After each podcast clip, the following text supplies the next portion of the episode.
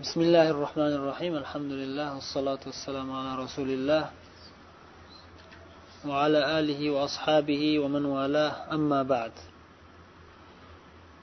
oxirgi o'tgan darsimizda oltinchi hadis o'qib to'xtagan ekanmiz bugun inshaalloh yettinchi hadisdan boshlaymiz قال الإمام النووي رحمه الله وعن أبي هريرة عبد الرحمن بن الصخر رضي الله عنه قال قال رسول الله صلى الله عليه وسلم إن الله لا ينظر إلى أجسادكم ولا إلى صوركم ولكن ولكن ينظر إلى قلوبكم. Bu hadisda rasululloh sollallohu alayhi vasallam aytyaptilarki shubhasiz alloh subhanahu va taolo sizlarni jasadlaringizga ya'ni zohiriy a'zolaringizga a'zolaringizga jismingizga jismingizga ham va suratlaringizga ham shaklingizga ham qarab o'shanga binoan hukm chiqarmaydi.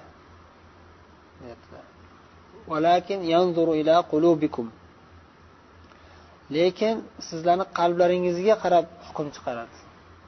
Sizlarni qalblaringizga qaraydi. Ya'ni bu hadis imom muslim rivoyat qilgan hadis ma'nosi ochiq oydin zohir.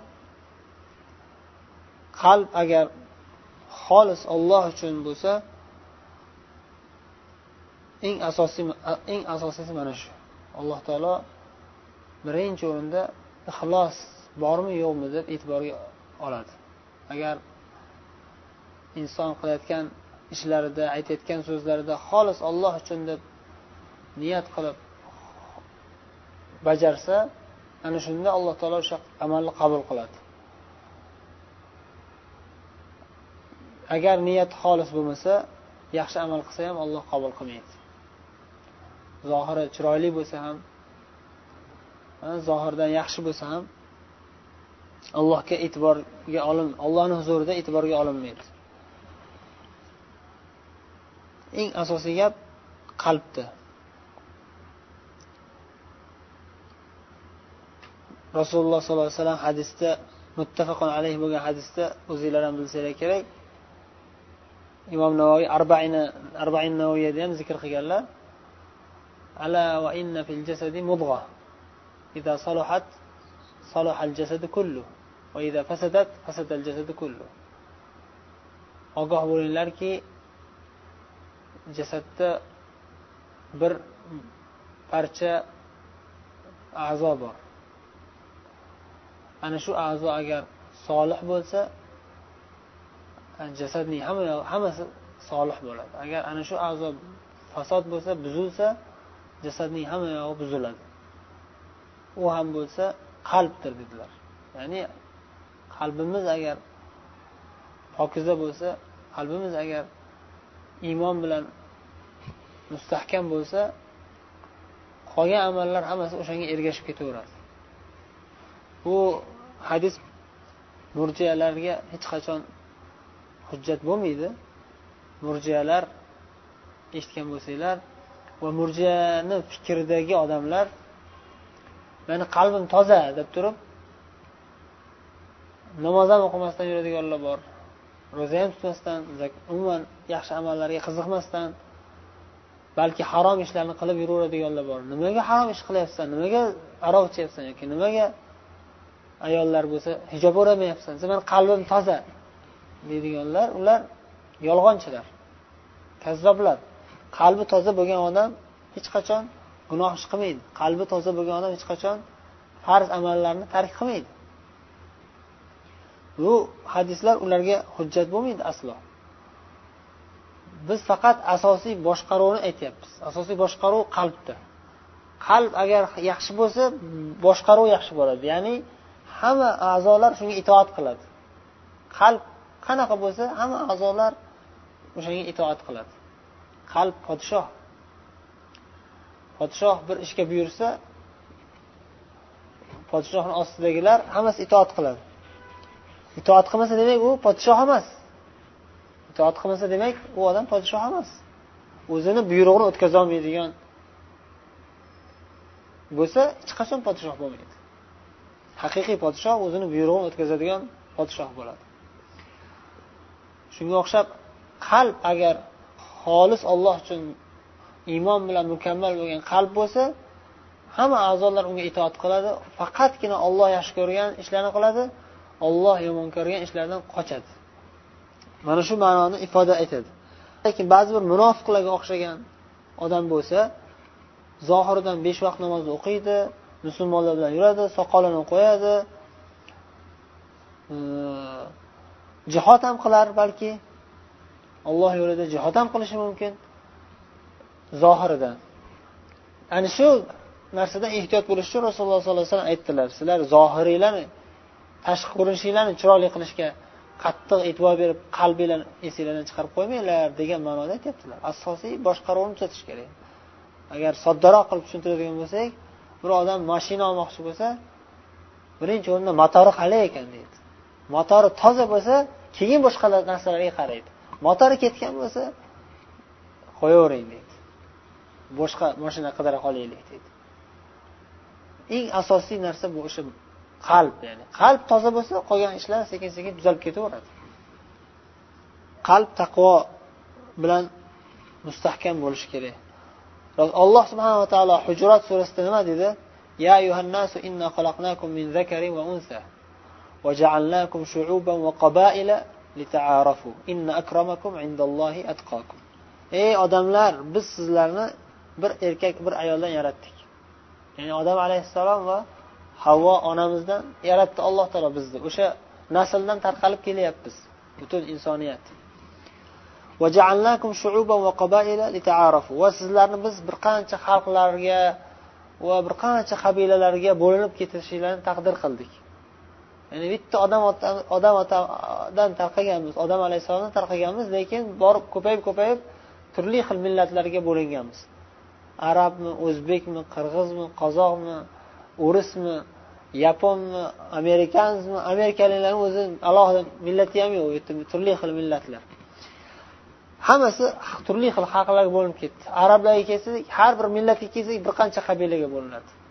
Arablarni bir qancha qabilasi bor quraysh deysizmi tamim deysizmi g'atafon deysizmi va hokazo. Bir qancha qabilalar bo'ldi nimaga bunday bo'ldi? Nima uchun olloh buni taqdir qildi desa bir biringlarni ajratib bilib tanib olishinglar uchun. Hamma bir xil bo'lib qolsa ajratolmay qoladi. Hamma bir xil tilda bir xil shaklda bir xil ko'rinishda bir xil joyda yashasa hamma yoq odatdan bo'ladi. O'xshamaydi u. Allohni taqdiri shunday hikmatiga binoan turli xil millatlarga bo'lindi. Abdullohni borku ana abdulloh qaysi abdulloh desa anavi borku o'zbek deydi yoki o'zbek bo'lsa ikkita uchta abdulla qaysi o'zbek? O'zbek abdullohlar ham ko'p desa andijonlik borku deydi. Andijonni qaysi abdulloh desa falonchilarni oilasi deydi misol uchun o'tkurov deysizmi yoki yodgorov deysizmi? Ajratiladi taarufu. Agar bir birisini tanib olish uchun belgilar bilan ajratib olinmasa hamma yoq tartib buzilib ketadi. Demak ollohni hikmati bu. Bir qancha millatlarga bir qancha qabilalarga bo'linib bo'linib ketishligimizni taqdir qilishligi o'sha litaarofu bir birimizni ajratib olib tanib olishimiz uchun. Bir birimiz bilan urushish uchun emas. Bir birimizni pastga urish uchun emas. Bir birimizni masxara qilish uchun emas. Shuning uchun bundan oldingi oyatda alloh taolo ogohlantirib qo'ydi. Bundan ozgina oldingi kelgan oyatlarda nima dedi? Mana shu hujrat surasida. Bir qavm ikkinchi qavmni masxara qilmasin. Masxara qilinayotganlar masxara qilayotganlardan afzal bo'lishi mumkin dedi alloh taolo. Inna akromakum indallohi atqakum mana bu oyatni oxirida nima dedi? Bir qancha arabmisiz o'zbekmisiz yaponmisiz argentinadanmisiz yoki afrikadanmisiz xitoydanmisiz? Ollohni huzurida uncha farqi yo'q. Uncha farqi yo'q emas umuman farqi yo'q. Umuman farqi yo'q. Ollohni huzurida qanday farq bo'ladi? Inna akramakum indallohi atqokum ollohni huzurida sizlarni eng ulug'laringiz eng hurmatli e'tiborli bo'lganlaringiz kim? Atqokum sizlarni ichingizda eng taqvoli bo'lganlaringiz.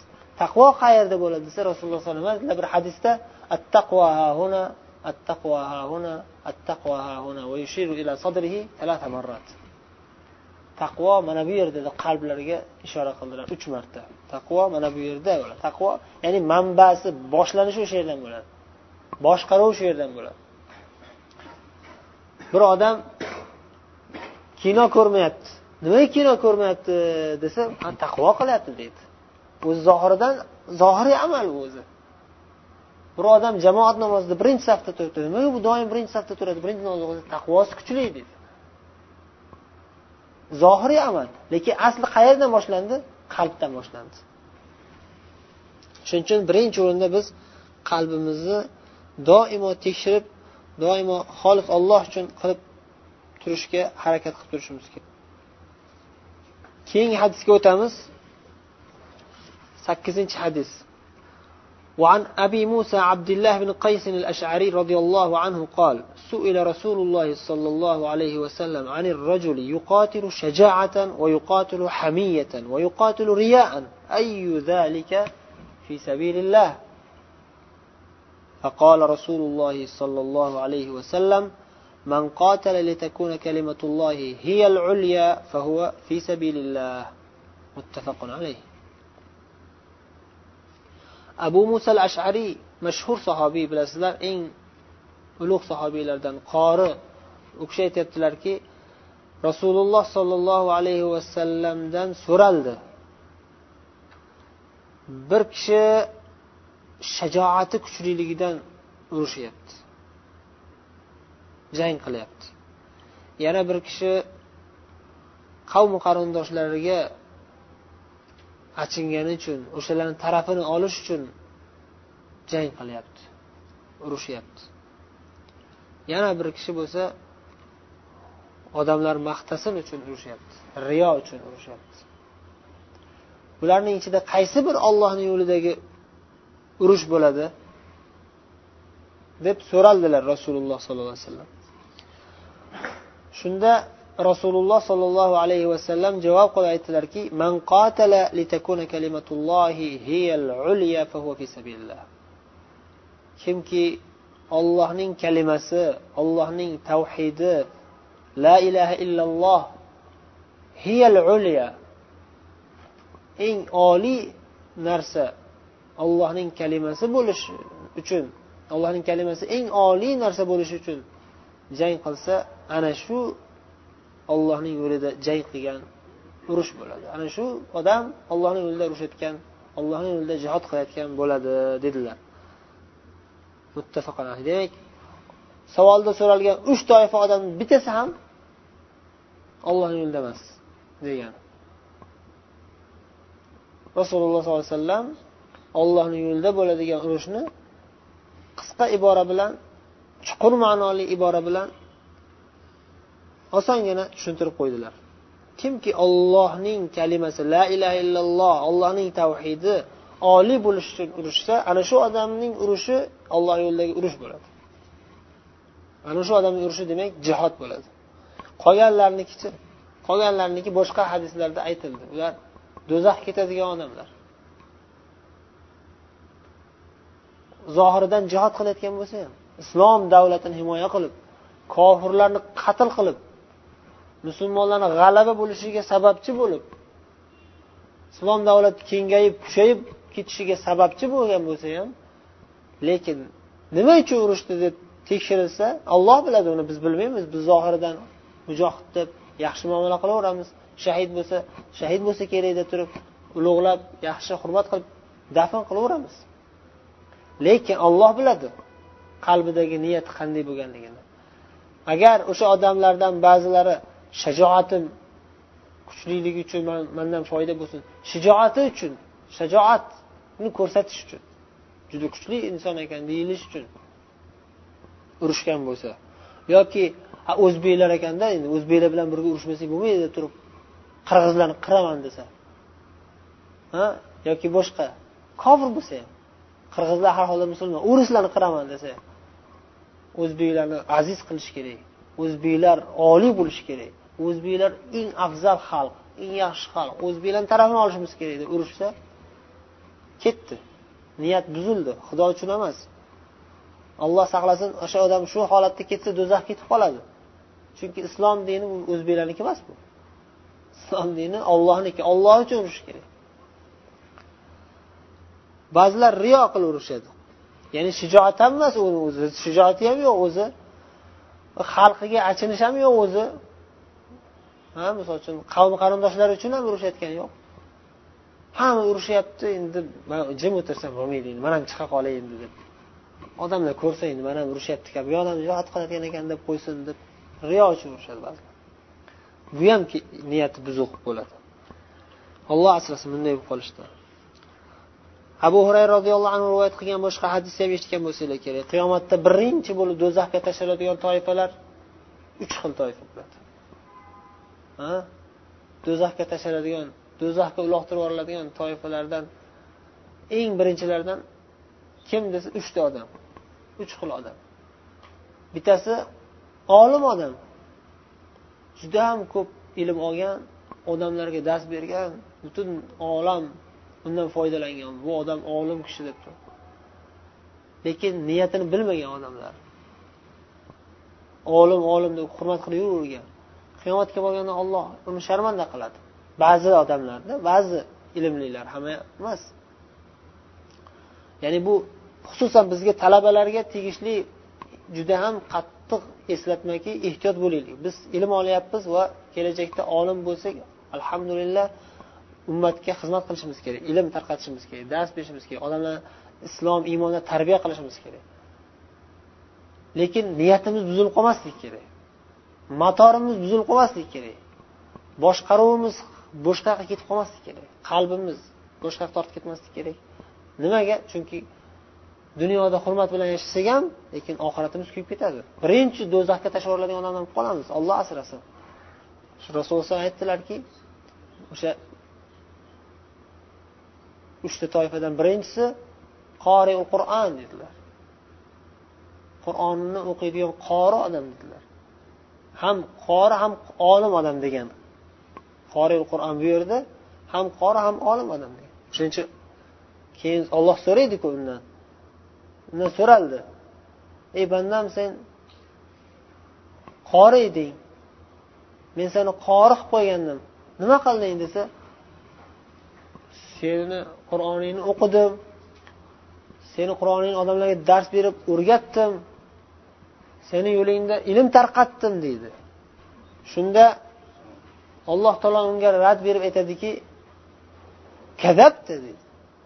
Yolg'on gapirding desa maloikalar ham ollohni so'zini eshitib ollohni so'zini orqasidan ergashib aytishadiki kadabda deyishadi maloikalar ham yolg'on gapirding butun olam oldi sharmanda bo'ladi. Olloh yolg'on gapirding san degandan keyin maloikalar ham hammalar yolg'on yolg'onchisan san deyishgandan keyin olloh aytadiki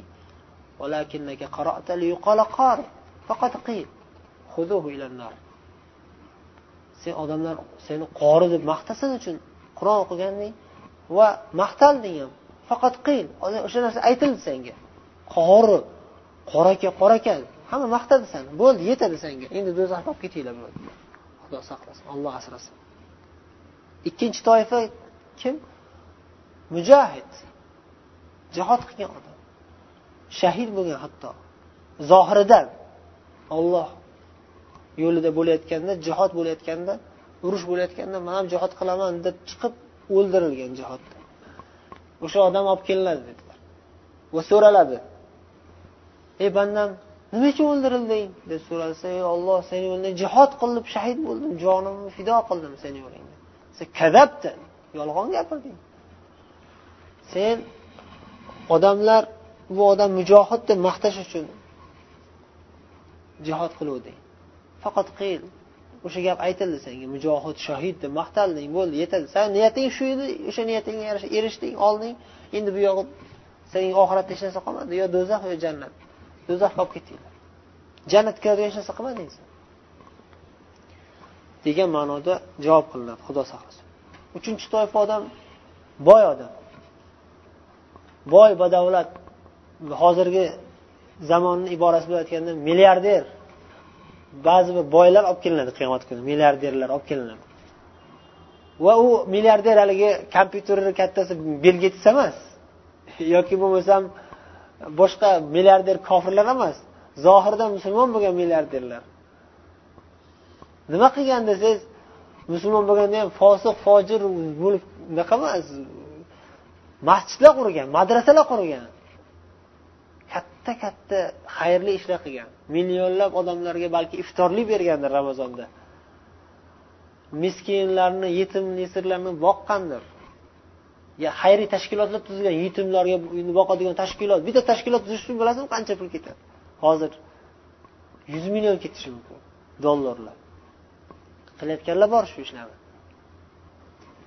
hammasi muxlis xolis deb ayta olasizmi? Bilmaymiz biz. Bor aksariyati inshaalloh muxlis bo'lsa kerak deb umid qilamiz. Lekin buni qalbini olloh biladi. Qiyomatda shunday odamni olib kelinadiki alloh taolo undan so'raydi ey bandam senga boylik berganda nima qiluvding desa ey xudo ey parvardigor seni yo'lingda masjidlar qurdim madrasalar qurdim seni yo'lingda xayr ehsonlar qildim cheksiz.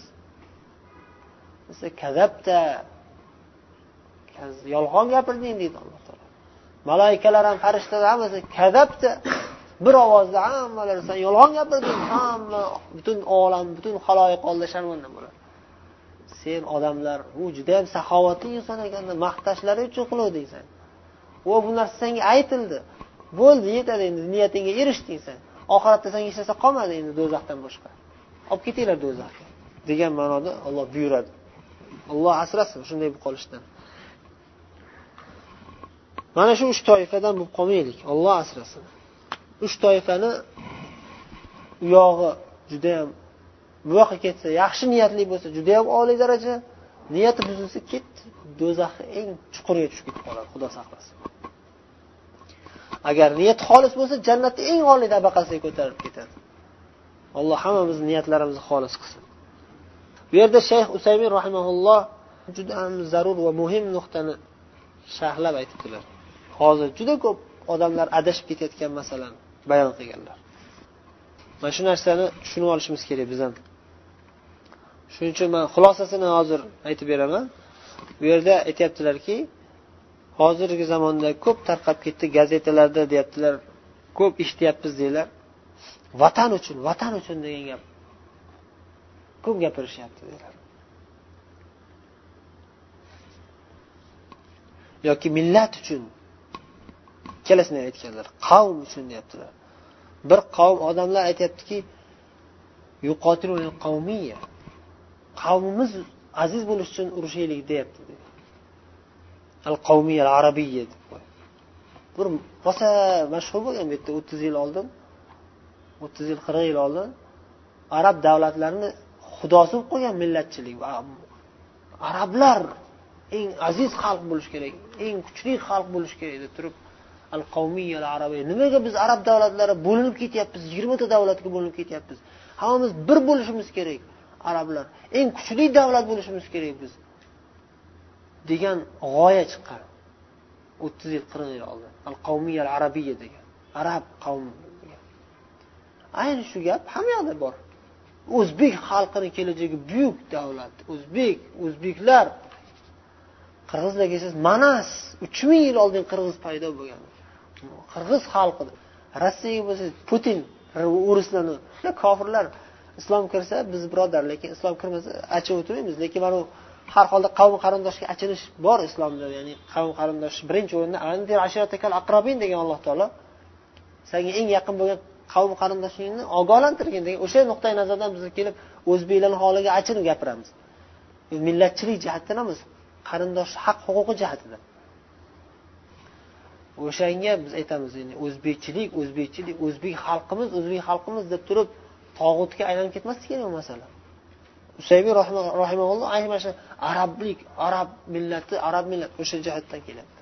Bu bitta xatar juda xavfli holat. Ikkinchi xavfli holat vatan vatan. Vatan desa ular nima saudiya arabiston tushunadi. Yana misrga borsangiz vatan demasa misr tushunadi. Ba'zi odamlar o'zbekistonga borsa vatan o'zbekiston tushunadi. Va hokazo. Mana shu narsalar hammasi juda xatarli narsa. Qancha shu millatchilik yoki vatanparvarlik haddan oshaversa shirkka olib ketaveradi. Shirkka kufrga tortib ketaveradi. Shundan ehtiyot bo'lish kerak. Shuni aytyaptilar bu yerda. Biz gazetalarda axborot vositalarida shunaqa gaplar eshityapmiz. yana ba'zilar hubbil vatan bilan iymon degan to'qima hadis keltirishadi deyaptilar shuni aytyaptilarki usaymin rahmaulloh hubbil vatan إن كان لأنه وطن إسلامي فهذا تحبه لأنه إسلامي agar vataningiz musulmon vatan bo'lsa islomiy vatan bo'lsa yaxshi ko'rasiz bu vatanni lekin vatanligi uchun emas Islomiyligi uchun. Ya'ni islomiy bo'lganligi uchun yaxshi ko'rishimiz kerak va himoya qilishimiz kerak deyaptilar. Vatanligi uchun emas. Bizni asl vatanimiz bir ulamo ustozlarimiz aytganlaridek bizni asl vatanimiz bu dunyo emas o'zi. Bizni alloh taolo birinchi qaysi vatanga joyladi? To'g'ri tuproqdan yaratildik lekin bizga olloh mana mana shu sizlarni uyinglar deb turib berganda uy berganda bizga qaysi uy berdi birinchi? Jannatni berdi sizlarga uyinglar deb turib birinchi yerda yashanglar mana tuproqdan yaraldinglar yerda yashanglar demadi yo'q tuproqdan yaratilish buni o'ziga yarasha hikmati bor. Shaytonlar olovdan yaratilgan farishtalar nurdan yaratilgan. Biz tuproqdan yaratilganmiz. Lekin hammamizni vatanimiz jinlar ham jinlar olovdan yaratilgan bo'lsa ham agar musulmon bo'lsa biz tuproqdan yaratilgan bo'lsak ham agar musulmon bo'lsak farishtalar hammasi nurdan yaratilgan bo'lsa ham lekin hammasi baribir hammamiz vatanimiz bitta joy jannat. Bizga alloh taolo birinchi o'rinda jannatni bergan. Mana shu sizlarga mana shu yerda yashaysizlar lekin kofir shayton kelib bizni aldab ota otamiz bilan onamizni aldab gunoh qildirib qo'ydi. Gunoh sababli vaqtinchaga haydaldik endi sizlar boringlar bir imtihondan bitta gunoh qilib qo'ydinglar imtihondan o'tishinglar kerak endi. Deb vaqtinchaga haydaldik otamizni alloh taolo chiqardi jannatdan. Imtihon uchun. Yana bir marta imtihon qilaman sizlarni imtihondan o'tsanglar endi qaytib kelasizlar shu joyga. Deb ya'ni xuddiki. Demak bizni vatanimiz haqiqiy vatanimiz jannat. Bu dunyo bu vaqtincha. hech qaysi bir shaharni hech qaysi bir davlatni biz o'zi uchun yaxshi ko'rmaymiz musulmon bo'lganligi uchun yaxshi ko'ramiz shuni aytyaptilar لا فرق بين وطنك الذي هو مسقط رأسك أو الوطن البعيد من بلاد المسلمين كلها وطن الإسلام يجب أن نحميه siz tug'ilgan joyingiz bu vataningiz bo'lsa musulmon mamlakatlardan bir uzoqdagi bir vatan bilan sizni bu vataningiz farqi yo'q Bu ham musulmon mamlakat. U uzoqdagi qozog'iston ham musulmon mamlakat. Yoki bu tarafdan kelsangiz uzoqdagi mag'rib ham musulmon mamlakat. Kulluha islom hammasi musulmon vatan islom vatani hammasini himoya qilishimiz kerak. Endi himoya qilish darajalari bor to'g'ri. Himoya qilishimiz kerak deb ko'r ko'rona olg'a qadam deb turib ilm yo'q hikmat yo'q itoat yo'q ulamolarga ketilavermaydi. Hammasini o'zini qonun qoidalari bor shartu sharoitlari bor o'zi boshqaradigan ustozlari bor. Osh pishirishimiz kerak deb turib o'n kelgan odam osh qilavermaydiyu farrosh osh qilmaydiyu yoki shofyor osh qilmaydiyu oshpaz osh qilishi kerak. Hammasini o'zini boshqaradigan boshlig'i bo'lishi kerak. Aytyaptilarki يجب أن نعلم أن النية الصحيحة هي أن نقاتل من أجل الدفاع عن الإسلام في بلدنا ومن أجل وطننا لأنه وطن إسلامي لا لمجرد الوطنية ya'ni demak niyatimiz sahih bo'lishi kerak sahih niyat nima islomni himoya qilish uchun vatanimizda islomni himoya qilish uchun urushamiz va vatanimizni himoya qilish urushamiz nima uchun desa vatan islomiy islomiy vatan bo'lganligi uchun. Faqatgina vatan bo'lganligi uchun emas. Islomiy vatan bo'lganligi uchun. Endi bu yerda aytyaptilarki urushni ikkinchi turi bor qitali difo difo qilish urushi bor. Birov sizga hujum qilsa uyingizda sizni molingizni olib qo'yaman desa yoki nomusingizni buzaman desa oh, ahli oilangizni va hokazo unga qarshi jang qilasiz hatto u hujum qilayotgan odam musulmon bo'lsa ham. Man musulmonman desa ham deyaptilar. Rasululloh alayhi vasallam buyurganlar. Bir odam molimni olib qo'yaman desa nima qilay desa bermagin dedilar. Menga qarshi jang qilib olib qo'yaman desachi qotilhu dedilar. San unga qarshi jang qilgin dedilar. Meni o'ldirib qo'ysachi dedilar san shahid bo'lasan dedilar. Men uni o'ldirib qo'ysam dedilar u do'zaxga ketadi dedilar. Nimaga? Chunki u tajovuzkor zolim hatto musulmon bo'lsa ham deyaptilarda bu sharhda. Bu hadisni imom muslim rivoyat qilganlar. Keyin buyog'ida aytib turib aytdilarki o'zi aslida musulmon odam hech qachon boshqa odamni haqqiga u kofir odam bo'lsa ham uni haqqiga tajovuz qilmaydi. Musulmon odamga hujum qilish yo tursin musulmon odam hech qachon bir haligi e, omon berilgan tinchlik berilgan kofir odamga qarshi urush qilmaydi. Bu odamga urush qilmanglar deyildimi? Islomiy davlat bilan sulh tuzilgan yoki e, tinchlik va'da qilingan bir odam bormi? U kofir bo'lsa ham unga qarshi urush qilish mumkin emas molini ham olib qo'yish mumkin emas. Uni nomusini buzish ham mumkin emas. Ba'zi bir ahmoq adashgan toifalar bor. Ahbash degan toifalar bor. Yevropaga borib fohisha ishlar bilan shug'ullanar ekan nimaga desa bular kofirlar cho'rilar demiş bular adashgan toifa. Fosiqlar. Bu islomni buzish bu. Islom dini hech qachon birovni nomusini ham kofir odam bo'lsa ham uni nomusiga tegish mumkin emas. U odam o'zi fohisha bo'lsa ham u odam axlat bo'lsa siz axlat kirib axlat bo'lmasligingiz kerak. Xudo saqlasin demak bizni qoida qonun qoidalarimiz axloq odoblarimiz islomiy e, axloq odoblarimiz juda buyuk. Birov bizni muroat qilmasa ham birov bizga zulm qilsa ham biz unga zulm qilmaymiz. Birov bizni molimizni tortib olib qo'ysa ham biz uni himoya qilishimiz kerak o'zimizni molimizni lekin uni mana mana bu kofir odam misol uchun amerikadan bitta kofir kelib turib bizni molimizni olib qo'ysa ketdim mana amerikadan bironta kofir molini olib kelaman. Unaqa emas. Siz o'zingizni molingizni olib qo'ygan odamni kuchingiz yetsa o'zingizni molingizni qaytarib oling. Lekin boshqa odamga ta'sir qilmasin u mumkin emas. Boshqa odamga zulm qilmaslik kerak. Yo'q. Masalan sizni yuz ming dollaringizni olib qo'ysa urushib o'zingizni yuz ming dollaringizni olib qo'ying u yog'ini olmang qolganini qaytarib bering shunday adolatlimiz. La yajrimannakum alloh taolo qur'onda aytdi la yajrimannakum shana'anu qawmin ala alla ta'dilu i'dilu huwa aqrabu littaqwa. Ha u masala boshqa masala. Urush maydoni boshqa masala.